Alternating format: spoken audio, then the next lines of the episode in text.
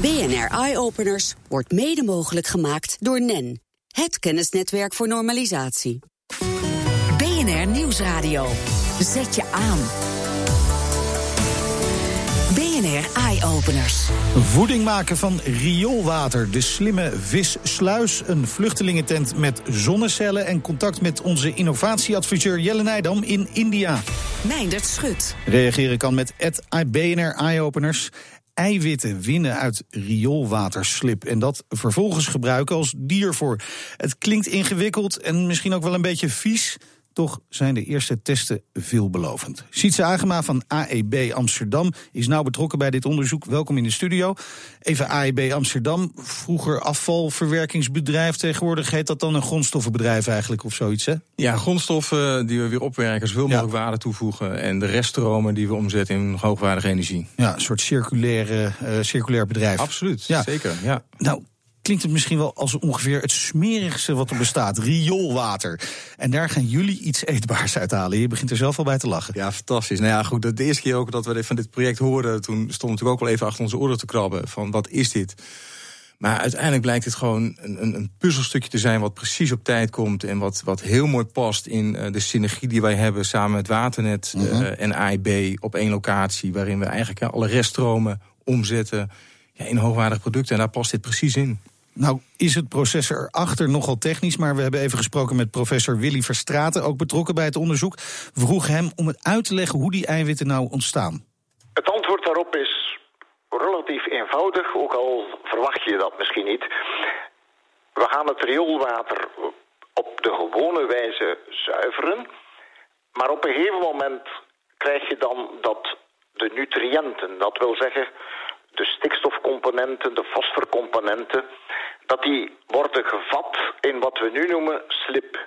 Dat slip, die dus eigenlijk die nutriënten voor een groot deel bevat, wordt naar een vergistingstank gebracht. Daar wordt dus eerst nog de energie die in dat slip zit omgezet tot methaangas. En dan komt op dat moment komen die nutriënten helemaal vrij. Dat worden dus minerale nutriënten op dat moment.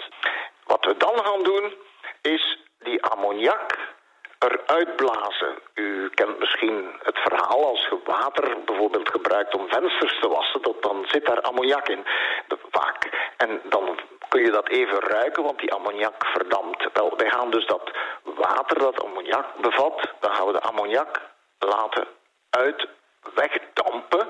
En die damp die dus niet onmiddellijk nog contact heeft met het water. Het is dus een zuivere ammoniak die vrijkomt. Die ammoniak, die gaan we nu gebruiken om daar microben, bacteriën, die je kunt een beetje vergelijken met yoghurtbacteriën, dat spreekt misschien duidelijker. Dan gaan we daar yoghurtbacteriën op laten groeien. Die gaan dat omzetten in eigen celmassa. En die massa, dat kunnen we dan verorberen zoals we yoghurt verorberen. Ja, en dat woord is dus yoghurt. Nou, eigenlijk heel erg simpel, dus iedereen kan het ongeveer. Uh, nou ja, toch wat ingewikkeld. Uh, Sietse, jullie hebben om dit mogelijk te maken samengewerkt met een aantal belangrijke partners. Je noemde al Waternet. Wat is hun rol nou precies in dit proces? Ja, Waternet is net als onze de, de toeleverancier van een aantal uh, uh, grondstoffen die ja, nodig zijn. waterslip bijvoorbeeld. Het ammoniak ook wat ja, vrijkomt okay. bij de waterzuivering. He, dat wat, wat uh, Willy net al overigens zei, de geestelijk vader van dit fantastisch concept. Ehm, al, al terecht aangaf, het is een hele zuivere vorm. En het, komt, het is een hele zuivere reststroom die vrijkomt. En die kunnen we dan omzetten uh, samen met waterstof en, en CO2, wat bij ons heel veel vrij of, uh, kan ontstaan en vrijkomt. En uh, dat samen kunnen die eiwitten vormen. Ja, nou klinkt het allemaal fantastisch, maar waarom zouden we dit doen? We halen onze eiwitten toch al gewoon uit normaal voedsel. Ja, dat klopt. En als je weet wat de CO2-footprint is van uh, het normaal verbouwen en uh, groeien van dit soort eiwitten, en je vergelijkt het met de CO2-print van deze methode, dan is het vele malen efficiënter. Nou, dan hebben we, hebben het over dierlijke eiwitten bijvoorbeeld, maar natuurlijk ook over soja-eiwitten die vooral naar dieren gaan. Want dit is wel in eerste instantie bedoeld voor dierenvoedsel. Hè? Ja, het is zo zuiver. We kunnen het gewoon. Ik wil, jij en ik het hier gewoon kunnen eten. En ik, ben, ik zal het ook zo je, doen. Je hebt niks bij je? Alleen niks, nee, helaas niet. Lekker toastje. Uh, maar ik snap, ik snap heel goed uh, dat mensen denken van ja, wacht eventjes. En, en, dieren hebben, nou ja, die kunnen dat in ieder geval niet uitspreken, laat ik het zo zeggen. Nee.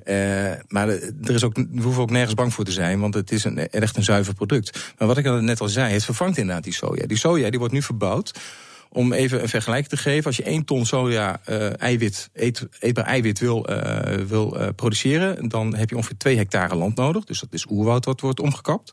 Vervolgens heb je zo'n 50.000 kubieke meter water daarvoor nodig om mhm. dat gewas te groeien. Um, en uiteindelijk heeft dat een CO2-footprint van ongeveer 100 ton CO2, wat we daarmee kunnen besparen. Dus dat is een, heeft een gigantische impact. Daarnaast is het vele malen efficiënter als we het hier lokaal in de stad, circulaire economie. Ja. Dit is echt zo'n kringloop die we lokaal kunnen sluiten. En we kunnen 36% van de eiwitbehoefte van Amsterdam voorzien op deze manier. Dus dat is gewoon gigantisch. Dat is gigantisch. Maar dan, dan moeten wij als mensen het ook nog wel willen gaan eten, natuurlijk.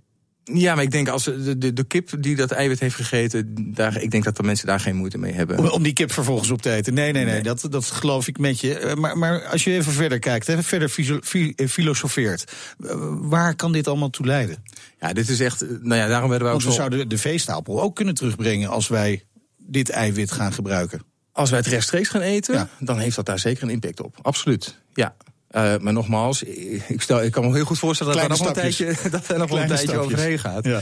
Uh, maar ja, daardoor werden wij ook ontzettend enthousiast natuurlijk van dit, van dit uh, onderwerp. Je kan het lokaal organiseren. Uh, de, de wereldbevolking trekt naar stedelijke gebieden. Dit kun je dus ook echt in stedelijke gebieden organiseren. En op die manier dus in die voedsel te voorzien. Ja, met, een, met een groeiende wereldbevolking zijn natuurlijk ja, de projecten die je gewoon ja. moet omarmen. Van afvalverwerker tot grondstoffenproducent tot voedselproducent. Ja, dat zo, daar komt het wel op neer. Daar komt het op neer. Hartelijk dank voor de komst naar de studio Sietse Agema van AEB Amsterdam. Graag gedaan. BNR Nieuwsradio. BNR Eye Openers.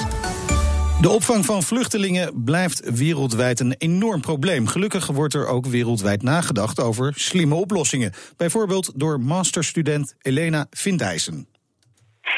Hallo. Uh, ja, ik was uh, met mijn, voor mijn masterproject uh, bezig daarmee een tent te ontwikkelen voor vluchtelingen waar zonnepanelen op liggen, zodat die ook tegelijk een energievoorziening hebben. Oké, dus eigen energieopwekking door een vluchtelingentent. Wat, wat is daar het grote voordeel van? Nou, het heeft uh, meerdere voordelen. Ik denk het grootste is dat je ook eens nachtslicht hebt. Dus dat je niet meer beperkt bent om dingen te doen uh, op het aantal lichturen mhm. dat je sowieso al hebt. En je kan de tent ook gewoon voor, voor communicatie en registratie van, van vluchtelingen gebruiken. En dat uh, in feite 24 uur per dag waar, waar je wilt. Is dat ook het belangrijkste nadeel van de eerdere vluchtelingententen die zijn bedacht? Dat dat ehm, ontbrak? Het uh, was wel, wel een stuk, stuk moeilijker, omdat er vaak, uh, nou, als je echt een afgelegen gebied bent, dat je geen, geen energie hebt. Dus uh, je moet alle, alles, alles handmatig doen. En op het moment dat het donker was, kon je een stuk minder doen. Of je hebt meteen weer een generator nodig. Dus dat was wel een een groot probleem, ja. Ja, nou is het idee is één ding. Eh, de praktijk is vaak weer barstiger. Tegen welke problemen ben je aangelopen bij het maken van het eerste prototype? Uh, ik denk het grootste probleem was dat um, de zonnepanelen met die ik gewerkt heb uh, heel erg mooi zijn, heel erg dun en licht gewicht, maar ook uh, nog vrij, vrij kwetsbaar. Dus de grootste uitdaging in het project was die panelen dusdanig door te ontwikkelen dat die gewoon voor iedereen te gebruiken zijn zonder grote handleiding. En uh, dat ze ook gewoon goed met de tent samen opgezet kunnen worden. En dat van een gevaar voor het product. Nou is nou ook nogal een verschil waar je zo'n tent neerzet. Hè? Uh, of dat nou in het Midden-Oosten is waar heel veel zon is en het heel warm is. Of hier waar toch wat minder zon is en het nu ook echt koud begint te worden. Uh, kun je hem overal gebruiken? De tent op zich kan je sowieso overal gebruiken. En de zonnepanelen zullen het ook overal doen. Alleen hoe goed ze doen, ja, dat verschilt natuurlijk. Wat je zegt, uh, waar, waar, je de tent neerzet. Dus in uh, Nederland in de winter zullen ze het minder goed doen dan uh, bijvoorbeeld in Syrië in de zomer. Dat, ja, dat heeft gewoon met het klimaat te maken, met de zoninstraling die je hebt. Oké, je hebt hem inmiddels gepresenteerd. Hoe gaat het nu verder?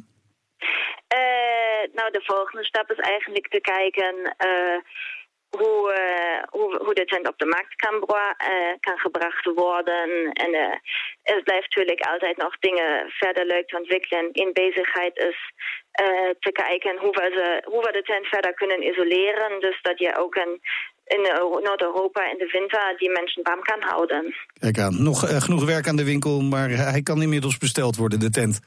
Ja, inderdaad. Goed, dankjewel Elena Vindijzen van de Universiteit Twente. En heel veel succes met jouw vluchtelingentent. En zometeen in de uitzending een vissluis met 4,5 meter hoogteverschil... en contact met innovatieadviseur Jelle Nijdam in Indië. BNR Nieuwsradio. Zet je aan. BNR Eye Openers. Er staat er al een in Twente, maar nooit eerder overbrugde een vissluis zo'n grote hoogte. Vissen die de sluis in het Limburgse Grubbenvorst inzwemmen, zullen daar straks, als de sluis af is, maar liefst 4,5 meter hoger uitkomen. Bedenker Sjaak de Hing legt uit hoe zo'n vissluis precies werkt. Dan moet je bij een vissluis niet gelijk iets bedenken als waar boten doorheen varen. Dat is, eh, het is, je moet het voorstellen als een, een buis waar twee klappen in zitten... en waarbij eigenlijk met die klappen te sturen die vissen door die buis kunnen zwemmen. En dan eh, na een meter of dertig eh, op een hoger niveau weer naar buiten komen. Sjaak de Hing van het bureau Aangepaste Technologie. Achter ons uw werkplaats en voor ons uw stromingslab. Wat zien we precies? Uh, we hebben hier een, een goot, een uh, stroomgoot... waarin we tot 100 liter water per seconde kunnen laten stromen... en waarin we alle eigenschappen kunnen nabootsen van een beek. En nu kunnen we dus als het ware uh, op laboratoriumschaal... gewoon nabootsen wat er precies in een vistrap gebeurt. Hier zitten meer dan 30 vissen in. Allemaal beekvissen die, ja, ze zijn nou in... Ik zie niks. Ze zijn ook allemaal in ruststand, want het is winter en ze hebben nou echt geen zin om te zwemmen. Dat, oh. Daar ligt er eentje. Even goed kijken hoor.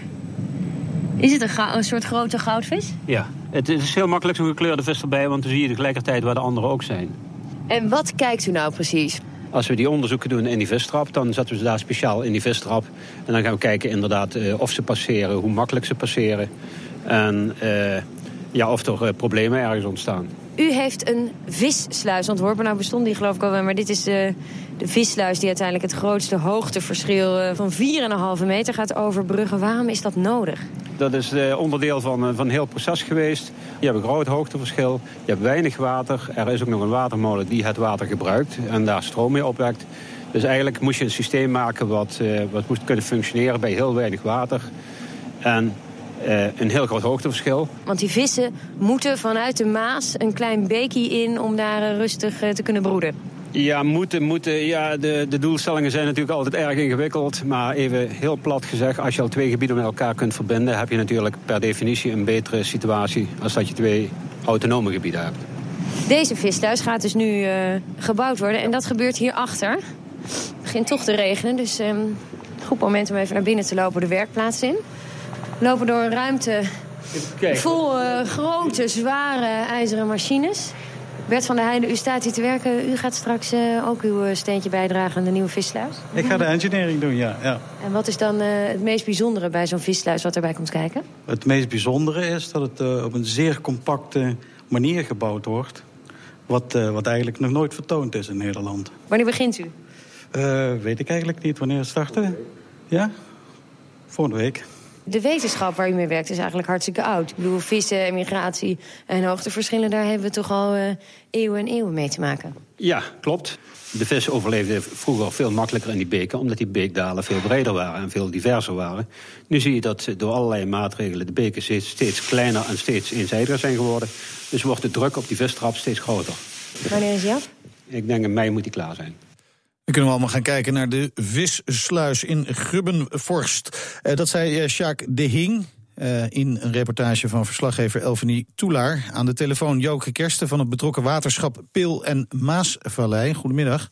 Goedemiddag. Hoe is deze opdracht bij het waterschap terechtgekomen? Uh, nou, het waterschap heeft uh, voor al haar beken de opdracht om ze zoveel mogelijk weer in natuurlijke staat terug te brengen. En dat past binnen de kaderrichtlijn water, een Europese opdracht in feite. Ja, dit past dus in de bredere zin in de manier waarop we in Nederland bezig zijn met natuurherstel. Toch klinkt een vissluis niet als heel natuurlijk. Uh, nee, dat klopt. Maar bij natuurherstel doen we wel vaker dingen die ogenschijnlijk niet uh, heel natuurlijk zijn. Als we een brug bouwen om wild overheen te laten gaan, is dat in feite precies hetzelfde. Maar we zorgen er wel voor dat uh, onze vissen vanuit die Maas naar het natuurgebied verderop in ons gebied terechtkomen. Ja, nou klinkt het voor een leek misschien als een beetje een hoop gedoe om een paar vissen. Waarom is het toch noodzakelijk dat dit gebeurt? Uh, nou, het is niet een hoop gedoe om een paar vissen. Het heeft alles te maken met, uh, zeg maar, het terugbrengen van een gebied in een uh, staat waarbij zoveel mogelijk aandacht er weer is voor de oorspronkelijke flora, fauna. En daarbij horen uiteraard ook vissen.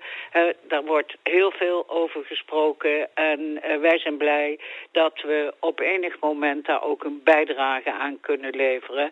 En we zijn er ook buitengewoon trots op mm -hmm. de, dat hier deze techniek op deze manier in Nederland voor het eerst toegepast wordt. Want was het alleen maar mogelijk met deze techniek? Ja, Toch wel het was een ingewikkelde alleen maar sluis? mogelijk met Ja. deze techniek. Omdat we hier een hele smalle verbinding hebben. Er ligt een eh, historisch belangrijke watermolen. Daar moeten we omheen. Tegelijkertijd hebben we eh, de mogelijkheid door eh, de aanleg van deze sluis... om ook die molen en het bijbehorende molenhuis... een stukje extra rivierbescherming te geven. Dus eh, we slaan hier nogal wat vliegen in één klap, om het maar zo te zeggen. Ja, en ehm, nieuwe technieken gebruiken om de natuur te herstellen. Zo Ja. kan het dus ook. Hartelijk dank, Joke Kersten van Waterschap Pil en Maasvallei. BNR Nieuwsradio. Eye-openers. De Innovatiehub. Wat doet de rest van de wereld op innovatiegebied? Wat zijn de trends in het buitenland? Deze week vragen we het aan onze innovatieadviseur Jelle Nijdam in India.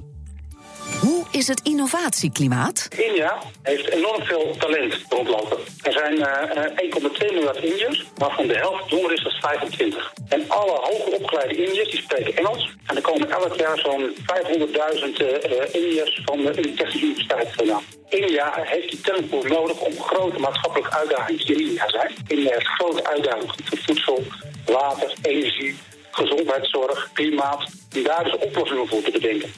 Iedereen weet dat India de IT-outsourcing hub is van de wereld. Wat veel mensen niet weten, is dat grote bedrijven als Philips, Unilever en Shell die hele grote R&D-centra hebben. Welke spraakmakende innovaties zie je in jouw omgeving? Waar India heel goed in is, is meer doen met minder. Daar is zelfs een speciaal woord voor, dat noemen ze jugaat. Jugaat is eh, eh, als je heel weinig hebt, maar je moet toch oplossingen vinden voor je probleem die je hebt. Dan kun je niet voorstellen hoe goed ze daar zijn. Maar een mooi voorbeeld is, ze hebben recent een missie naar Mars, eh, een zonde naar Mars gestuurd.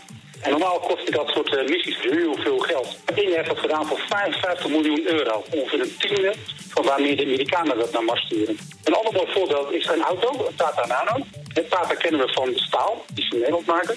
Maar in India maken ze ook auto's. Het is een auto die kost 1500 euro. Nou denk je van, nou, dat kan nooit zo zijn. En dat is niet waar. Ik heb er zelf ook een. En hij zit ontzettend lekker. Hij rijdt hartstikke goed. Hij heeft eh, eh, airco, die je wel nodig in India. Hij heeft elektrisch bediende ramen. Hij heeft centrale vergrendering. Maar ze hebben de auto teruggebracht tot de essentie wat een auto is. En wat kunnen ze van ons leren? Wat Indiërs heel goed zijn is, eh, die studenten waar ik het van had, over had, die 500.000 eh, studenten die van de universiteit gekomen, die hebben allemaal een staatsexamen gedaan en dan rekenen ze allemaal uit het hoofd. Dus ze zijn heel slim. Maar waar ze niet goed in zijn, is het stellen van vragen om kennis toe te passen. En waar wij heel goed zijn, is het samenwerken tussen kennisinstellingen, bedrijven en overheid. En de gouden driehoek, zoals we in Nederland kennen, waar we samen denken over hoe kunnen we elkaar versterken voor de korte en de lange termijn. Dat is iets wat ze in India eigenlijk helemaal niet doen. En dat was Jelle Nijdam, innovatieattaché in India voor het eh, ministerie van Economische Zaken. Een uitgebreide versie van het gesprek en meer informatie over het innovatieattaché-netwerk vind je op bnr.nl/slash eyeopeners. En dat is ook de plek waar we je op de hoogte houden van andere innovaties met impact. Tot zover deze uitzending van BNR Eyeopeners. Op Twitter vind je ons via BNR Eyeopeners. En heb je nou zelf iets leuks gezien of bedacht? Stuur dan een mail naar eyeopeners.bnr.nl. Terugluisteren? Ook dit programma vind je terug in de BNR-app. BNR Eye-Openers wordt mede mogelijk gemaakt door NEN, het kennisnetwerk voor normalisatie.